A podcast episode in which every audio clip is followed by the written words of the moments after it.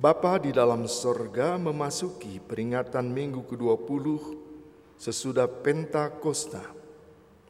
Minggu di mana kami juga sudah mulai mempersiapkan diri untuk menyambut ibadah pembukaan pekan keluarga pada hari Minggu mendatang. Juga dalam rangka kebersamaan klasis GKP wilayah Priangan. Kami percaya bahwa jika kami dihimpunkan pagi ini sebagai Gereja Kristen Pasundan Jemaat Bandung, demikian juga sebagai orang-orang percaya dari berbagai latar belakang denominasi yang kau perkenankan hadir dalam ibadah pagi ini, engkau telah menyediakan bagi kami kebenaran firman Tuhan yang akan menuntun kami, membimbing dan menopang kami, agar kami dimampukan dalam melaksanakan kehidupan kami selanjutnya. Pimpin dan berkati hambamu yang akan menyampaikan kebenaran firmanmu ya Bapak. Karena kuasa roh kuduslah yang akan mempersatukan kami.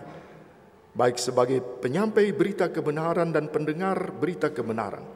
Supaya kami dipersatukan dalam satu semangat. Bersedia mendengarkan dengan baik dan melaksanakan setiap kehendak Tuhan dalam sepanjang kehidupan kami. Di dalam nama Yesus Kristus firman yang hidup, kami berdoa kepadamu. Amin. Bapak Ibu, saudara-saudari yang dikasih Tuhan, mari kita membuka Alkitab kita. Kita akan membuka kitab Yoel pasal 2 ayat 23 sampai dengan ayatnya yang ke-32.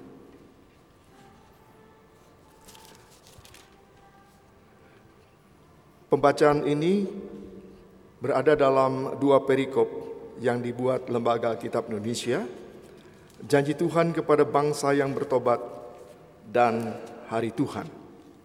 Saya akan membacakannya untuk kita sekalian. Hei Bani Sion, bersorak-soraklah dan bersukacitalah karena Tuhan Allahmu Sebab telah diberikannya kepadamu hujan pada awal musim dengan adilnya, dan diturunkannya kepadamu hujan, hujan pada awal dan hujan pada akhir musim seperti dahulu. Tempat-tempat pengirikan menjadi penuh dengan gandum dan tempat pemerasan kelimpahan anggur dan minyak. Aku akan memulihkan kepadamu tahun-tahun yang hasilnya dimakan habis oleh belalang pindahan, belalang pelompat, belalang pelahap, dan belalang pengerip, tentaraku yang besar yang kukirim ke antara kamu. Maka kamu akan makan banyak-banyak dan menjadi kenyang, dan kamu akan memuji-muji nama Tuhan Allahmu yang telah memperlakukan kamu dengan ajaib.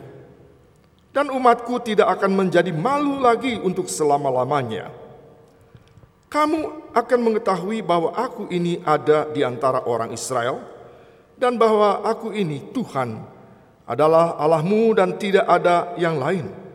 Dan umatku tidak akan menjadi malu lagi untuk selama-lamanya. Kemudian daripada itu akan terjadi bahwa aku akan mencurahkan rohku ke atas semua manusia. Maka anak-anakmu laki-laki dan perempuan akan bernubuat Orang-orangmu yang tua akan mendapat mimpi. Teruna-terunamu akan mendapat penglihatan-penglihatan. Juga ke atas hamba-hambamu laki-laki dan perempuan akan kucurahkan rohku pada hari-hari itu. Aku akan mengadakan mujizat-mujizat di langit dan di bumi, darah dan api dan gumpalan-gumpalan asap. Matahari akan berubah menjadi gelap gulita, dan bulan menjadi darah sebelum datangnya hari Tuhan yang hebat dan dahsyat itu.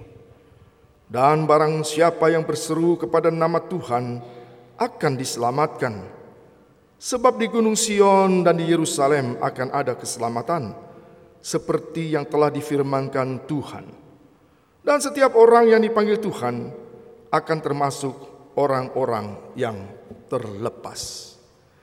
Demikian jemaat Tuhan, Pembacalah kita pada hari ini. Berbahagialah orang yang mendengarkan firman Tuhan serta memeliharanya di dalam hidupnya. Haleluya.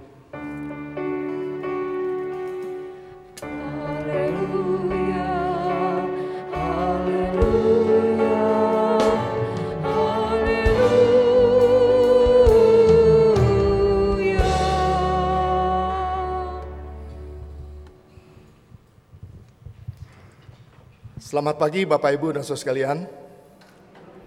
Puji Tuhan, hari ini kita bersatu dalam kesempatan mendengarkan firman Tuhan.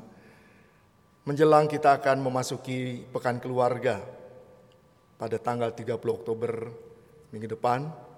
Tentu sampai dengan ketika kita melaksanakan puncak sukacita hari ulang tahun ke-88 Gereja Kristen Pasundan. Tema renungan khotbah hari ini adalah Aku ini Tuhan Allahmu yang memulihkan. Silakan slide-nya dibukakan.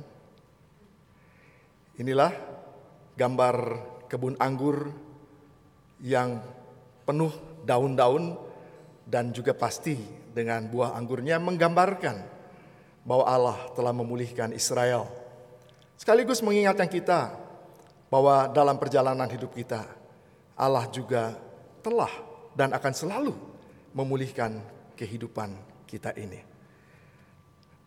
Slide lebih lanjut, saudara sekalian, saya sudah coba mencari beberapa slide yang menggambarkan bahwa kehidupan kita saat ini memang masih belum bisa terlepas dari berbagai bencana.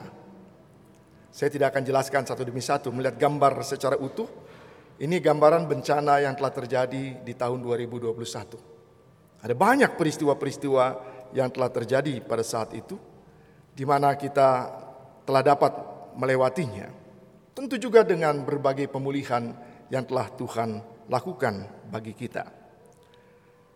Ada gempa bumi, ada erupsi, ada segala macam ya tanah longsor, bahkan beberapa hari terakhir kita tahu juga Kota Bogor satu provinsi dan kita juga mengalami bencana longsor. Tidak usah jauh-jauh, tadi malam juga hujan lebat, saya belum melihat berita lebih lanjut, mudah-mudahan saudara kita di daerah selatan juga tidak mengalami banjir. Kalaupun mengalami, Tuhan pasti menolong. Next. Kita tahu juga saudara sekalian bencana yang juga telah kita alami di sepanjang dua tahun terakhir lebih ini. Pandemi COVID-19 masih terus berlanjut. Ada yang sudah menyatakan sudah menjadi endemi, ada yang sudah menyatakan ini sudah mulai berakhir, tapi kita mendengar kembali adanya jenis baru lagi. Sesuatu yang tetap harus diwaspadai yang membuat kita tetap menjaga protokol kesehatan dengan baik. Saya mohon izin membuka masker di sini karena terlindung dengan pembatas di depan ini. Nah, yang berikutnya, next. Kita bisa melihat juga bagaimana ada tragedi sepak bola. Bagi para penggemar sepak bola di tanah air yang mungkin sedang sedih karena Persib kurang begitu maju ya, sedang mengalami duka cita ini data yang beberapa hari lalu. Update tadi malam sudah bertambah lagi seorang meninggal. Jadi setiap hari tambah meninggal jumlahnya sekarang sudah 134 orang yang meninggal. Dan terus menerus dikatakan bahwa ini adalah tragedi sepak bola yang sangat mengerikan. Terbesar kedua yang pernah terjadi di muka bumi. Luar biasa. Indonesia menjadi sangat terkenal Barangkali Presiden FIFA belum pergi ke negara-negara lain secara khusus, tetapi ke Indonesia secara spesial, mengundang Bapak Presiden untuk ikut hadir dalam perlombaan pertandingan sepak bola dunia dan menyatakan perlombaan pertandingan sepak bola usia 20 tetap akan dilaksanakan di Indonesia tahun depan. Berita yang menggembirakan tapi sekaligus juga berita yang mengingatkan kita betapa pentingnya kita memperhatikan soal ini. Next, ada banyak masalah-masalah di tengah masyarakat kita. Beberapa hari terakhir kita dikejutkan juga dengan banyaknya anak-anak kecil, balita khususnya yang meninggal karena gagal ginjal akut. Ada banyak keputusan telah dilakukan oleh pemerintah khususnya melalui Kemenkes yang telah melarang peredaran obat-obat cairan yang biasa diminum oleh anak cucu kita. Dan itu pasti berdampak banyak hal bagi berbagai pihak. Masalah yang tidak mudah dan masih terus diteliti apakah benar oleh karena persoalan-persoalan itu. Karena di negara lain juga hal yang sama terjadi. Kekerasan-kekerasan masih terus berlangsung di berbagai tempat. Geng-geng motor, begal-begal, kekerasan dalam rumah tangga yang begitu viral kita bisa melihat terjadi di mana-mana. Penyalahguna, penyalahgunaan jabatan. Sampai hari ini kita masih mengikuti persidangannya. Korupsi, suap menyuap, ketidakadilan, penyalahgunaan narkoba. Mengagetkan sekali jika ada tersangka yang menggunakan jabatannya untuk memperjualbelikan narkoba sitaan dan berbagai tindakan melawan hukum lainnya yang menggambarkan bahwa hukum di Indonesia masih tajamnya ke bawah, belum ke atas. Kita bersyukur Kapolri, saudara seiman kita telah menyatakan sejak awal bahwa itu tidak akan terjadi. Kita sudah mulai melihat berbagai hal yang sedang terjadi saat ini. Dan saudara sekalian yang pasti juga masih terus bergema dalam kehidupan kita akhir-akhir ini pergumulan kehidupan gereja gereja Tuhan di Indonesia. Di berbagai tempat ada kelompok-kelompok tertentu yang menentang pendirian gedung gereja dan berbagai alasan.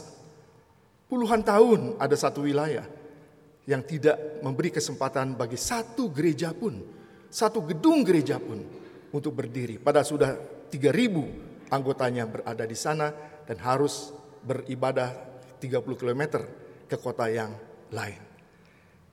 Next, jemaat Tuhan, di tengah berbagai bencana-bencana tersebut, kita bisa melihat bahwa kita diperhadapkan kepada pekan keluarga. Yang pada tahun ini memilih tema keluarga pulih, masyarakat bangkit. Saya termasuk salah satu pokjanya dan kemudian dalam percakapan saya di atas mobil waktu itu tidak uh, sedang menyetir karena ada yang lain yang menyetir dan kemudian mengikuti percakapan ada pertanyaan Kenapa hanya keluarga? Kenapa hanya masyarakat? Kenapa gereja tidak dilibatkan di situ? Jawaban dari uh, Bapak Ibu yang ada di Majelis Sinode dengan tegas mengatakan karena keluarga adalah bagian dari gereja. Dan itu berarti saudara sekalian mau tidak mau kalau kita ingin melengkapi tema ini menjadi hidup dalam kehidupan kita secara lengkap, gereja harus memperhatikan kehidupan keluarga bagian demi bagian keluarga yang ada. Gereja Kristen Pasundan harus sungguh-sungguh menggunakan pekan keluarga dengan baik. Tidak hanya sekadar membeli buku pekan keluarga, tidak hanya sekedar membacanya, tapi bagaimana, bagaimana mempraktekannya dalam kehidupan kita sehari-hari. Sehingga dengan demikian, masyarakat kita di tengah berbagai ancaman-ancaman tadi juga bisa bangkit ke depan Jemaat yang dikasih oleh Tuhan Yesus Kristus. Mari, itulah konteks kehidupan kita saat ini. Saya mengajak kita untuk melihatnya supaya kita juga bisa melihat bagaimana konteks pengalaman orang-orang Israel, khususnya Yehuda dalam pergumulannya pada saat itu. Kita telah mendengar dari pembaca Alkitab tadi bahwa mereka sedang atau sudah dan akan mengalami hama belalang. Ini belalangnya besar, lalu ada belalang-belalang kecil. Kita sudah mendengar tadi berbagai jenis belalang. Tidak hanya satu jenis. Saya lupa di kota mana di Jawa Tengah, mungkin Jawa Barat juga ya. Konon kabarnya belalang juga dimakan ya. Punten orang Bandung makan belalang. Enak katanya dibuat rempeyek atau diapakan gitu ya. Tapi kalau jumlahnya sudah sangat banyak sekali, maka belalang itu akan menghabiskan merusak tanam-tanaman daun-daunan, pohon-pohonan, bunga-bunga, buah-buah habis. Dan kalau pohon-pohonan itu habis, berarti binatang juga terancam, binatang lain, binatang ternak. Khususnya yang akan digunakan untuk ibadah bangsa Israel. Karena mereka tidak lagi punya makanan. Rumput tidak ada, daun-daunan tidak ada, buah-buahan tidak ada. Jadi yang menjadi persoalan pada saat itu bukan hanya manusia saja, yang tidak bisa makan dari hasil tanam-tanaman, tapi juga hewan ternak. Oleh karena itu, saudara sekalian, melalui Yoel, Tuhan mengingatkan bangsa Yehuda untuk mendapatkan pengampunan, maka mereka harus melakukan tiga hal. Mereka harus berpuasa, artinya mereka harus kembali membangun relasi yang baik dengan Tuhan, supaya doa-doa mereka bisa didengar oleh Tuhan. Supaya dengan berpuasa itu mereka menanggalkan, meninggalkan berbagai perbuatan-perbuatan yang selama itu membuat Tuhan murka dan marah. Dan Yoel mengingatkan tidak hanya dengan berpuasa, tapi juga dengan bertobat. Dengan mengubah cara hidup mereka, dengan mengubah cara ibadah mereka, dengan mengubah kehidupan mereka di tengah keluarga mereka, memperhatikan anak-anak mereka, memperhatikan orang-orang miskin di sekitar mereka, memperhatikan suku-suku mereka masing-masing dan seterusnya. Dan yang ketiga, Yoel mengingatkan kepada bangsanya supaya mereka berseru hanya kepada Tuhan, Allah mereka yang telah memimpin nenek moyang mereka keluar dari negeri Mesir, yang juga memimpin mereka di sepanjang kehidupan mereka. Perikop pembacaan kita pada hari ini menyatakan jika itu dilakukan oleh mereka, maka Tuhan akan melakukan pemulihan. Akan ada perubahan besar. Ancaman itu memang akan terjadi tetapi mereka akan mengalami pembaruan. Paling tidak disebutkan ada tiga hal. Hujan pada awal dan hujan pada akhir musim seperti dahulu akan kembali terjadi, membuat tanah mereka kembali subur, membuat pohon-pohonan mereka juga kembali bertumbuh, berkembang dan berbuah. Dengan demikian maka tempat pengirikan mereka akan penuh dengan gandum, dengan minyak. Tuhan akan memulihkan hasil panen yang rusak akibat hama belalang tadi. Tuhan adalah Allah yang akan memulihkan mereka. Bukan kekuatan mereka, bukan kepandaian mereka, bukan kehebatan mereka, tapi Tuhan Allah yang mereka sembah yang akan memulihkan mereka. Jemaat Tuhan itulah sebabnya tema khotbah ini berbunyi, Aku ini Tuhan Allahmu yang memulihkan. Mari kita perhatikan saudara sekalian. Siapa saja yang akan Tuhan pulihkan? Ternyata Tuhan akan melakukan pemulihan untuk semua orang. Dan ketika Tuhan menyatakan dia akan menurunkan hujan pada waktunya. Dia akan menumbuhkan kembali pohon-pohonan. Maka sebenarnya Tuhan juga sedang memulihkan alam ciptaannya. Tidak cukup hanya manusia dipulihkan. Alam ciptaan Tuhan juga harus dipulihkan. Dan pemulihan Tuhan itu dikatakan dalam pembacaan tadi bahwa Tuhan akan mencurahkan rohnya atas semua manusia. Memberikan rohnya kepada semua manusia. Tentu dalam konteks kehidupan kita perjanjian baru kita mengerti betul pengertian roh ini tidak hanya sekadar bahwa orang bisa berdoa, orang bisa memuji Tuhan, orang bisa pergi beribadah. Tetapi roh kudus yang telah membuat kita percaya bahwa Allah telah datang di dalam Yesus Kristus. Yang kedua yang menarik ialah saudara sekalian pemulihan yang Allah berikan kepada semua orang itu tidak hanya kepada orang-orang tua saja. Tidak hanya kepada para imam-imam saja yang pada umumnya berusia lanjut. Tidak hanya kepada para pendeta saja barangkali pada zaman sekarang ini atau para penatua saja atau kepala keluarga saja atau ibu rumah tangga saja. Tapi dengan tegas dikatakan bahwa Tuhan akan melakukan pemulihan kepada semua elemen generasi yang ada. Generasi keluarga, masyarakat, gereja, dan bangsa. Dikatakan anak-anakmu laki-laki dan perempuan akan bernubuhan. Biasanya orang akan selalu memikirkan hanya anak laki-laki yang akan melakukan hal-hal yang istimewa. Anak perempuan nggak usah. Tidak laki-laki dan perempuan, anak-anak laki-laki dan perempuan akan bernubuat. Orang tua juga tetap berperan. Orang-orang tua akan mendapat mimpi. So, sekalian saya sudah termasuk orang tua ya. Tadi malam saya saya tiap malam bermimpi sekarang. Dan mimpinya luar biasa. Kehidupan dalam persekutuan. Paling tidak sebagai pendeta gereja Kristen Pasundan. Tadi malam saya berjumpa dengan para pendeta emeritus. Di mana? Di Palalangon. Wah ini barangkali satu pengingatan saya harus sudah kembali melihat jemaat-jemaat pedesaan ya, kembali ke Palalangon. Karena dulunya saya rindu sekali ingin melayani Palalangon. Cuma ibunda tercinta yang melarang sampai beliau meninggalnya. Saya tidak pernah menjadi pendeta jemaat Palalangon. Apalagi waktu itu masih gelap, masih becek, belum ada listrik dan sebagainya ya. Saya bisa pahami ibu saya. Tidak menginginkan anak bungsunya itu lalu menjadi susah kalau kemudian berada di jemaat yang seperti itu menurut beliau. Dan saya mau mendengarkan nasihatnya. Akhirnya saya berputar-putar dan kemudian menjadi pendeta di Sukabumi. So sekalian, lalu yang ketiga, teruna-terunamu akan mendapat penglihatan-penglihatan. Luar biasa. Kalau dalam satu keluarga, tiba-tiba seorang anak remaja berkata, aku dapat penglihatan. Saya jadi ingat cerita Yusuf ya.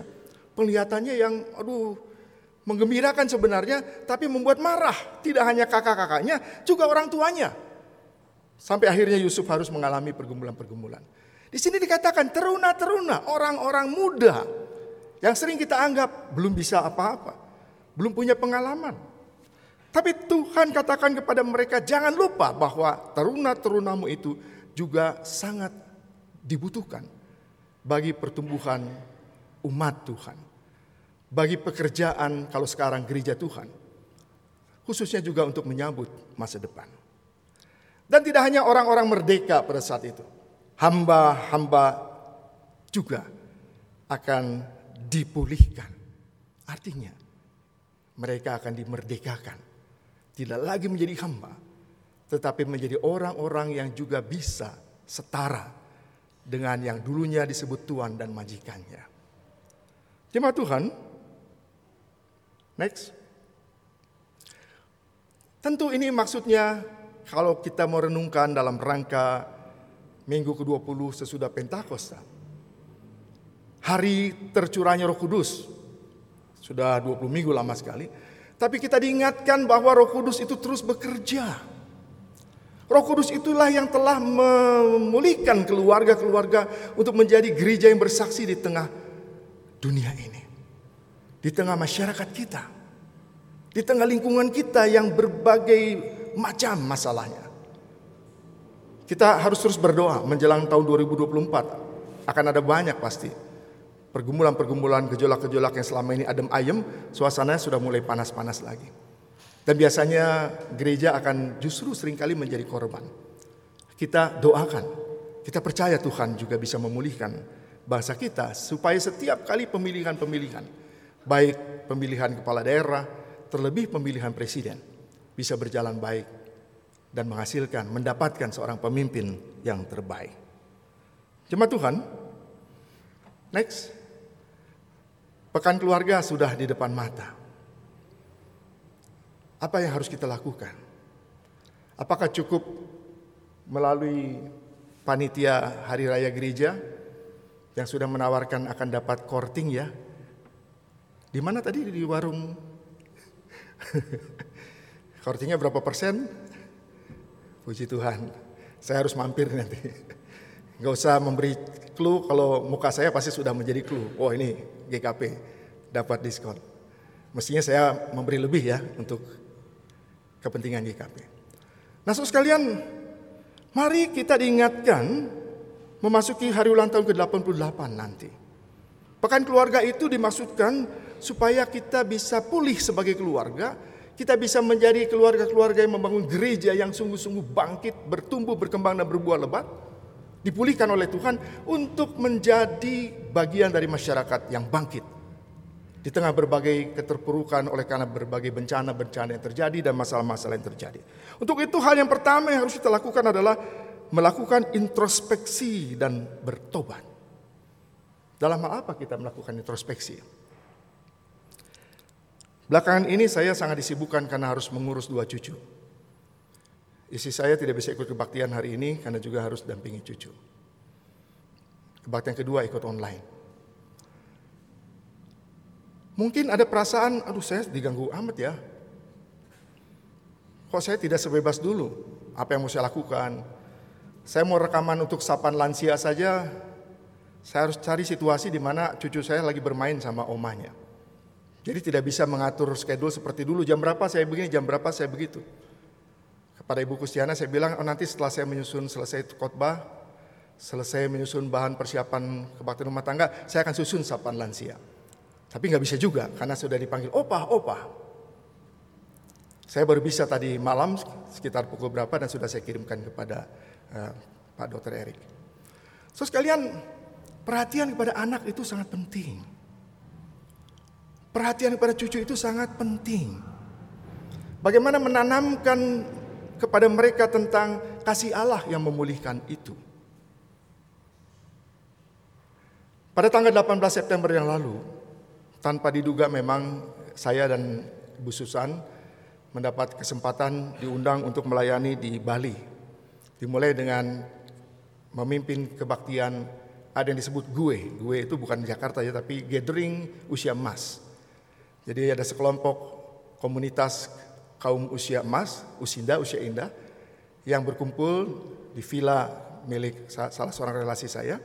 Dan saya diminta untuk melayani mereka. Ada sekitar 60-70 orang yang hadir dari berbagai gereja, berbagai denominasi yang ada di sekitar Tabanan.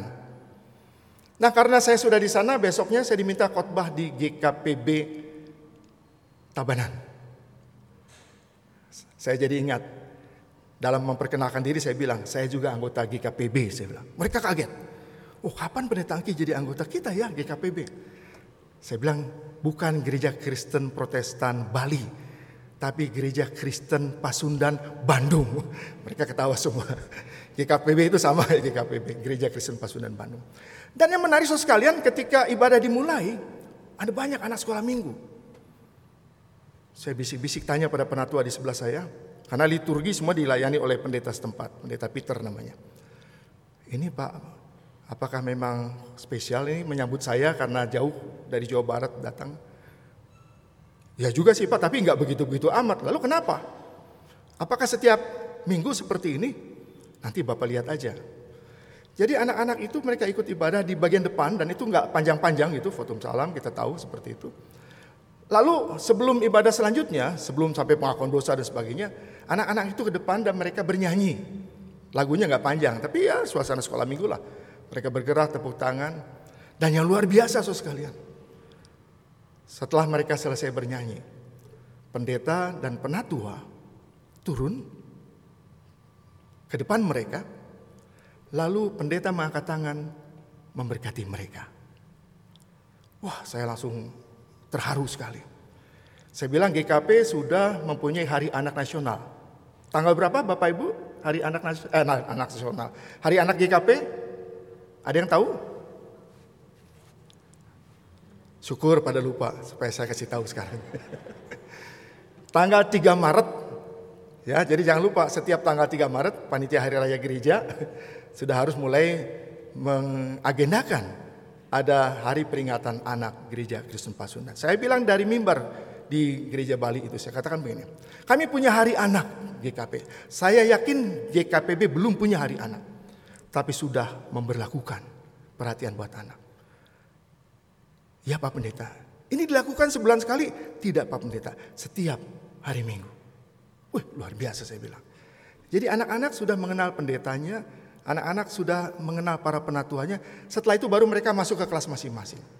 Tidak harus sama kita lakukan seperti itu. Tapi ini salah satu contoh bagaimana memperhatikan generasi kita supaya keluarga-keluarga kita bagian-bagiannya bisa dipulihkan.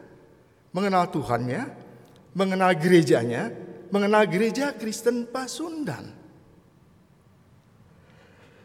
Dan so sekalian, introspeksi berikutnya tidak hanya untuk perhatian buat anak-anak. Buat orang muda juga.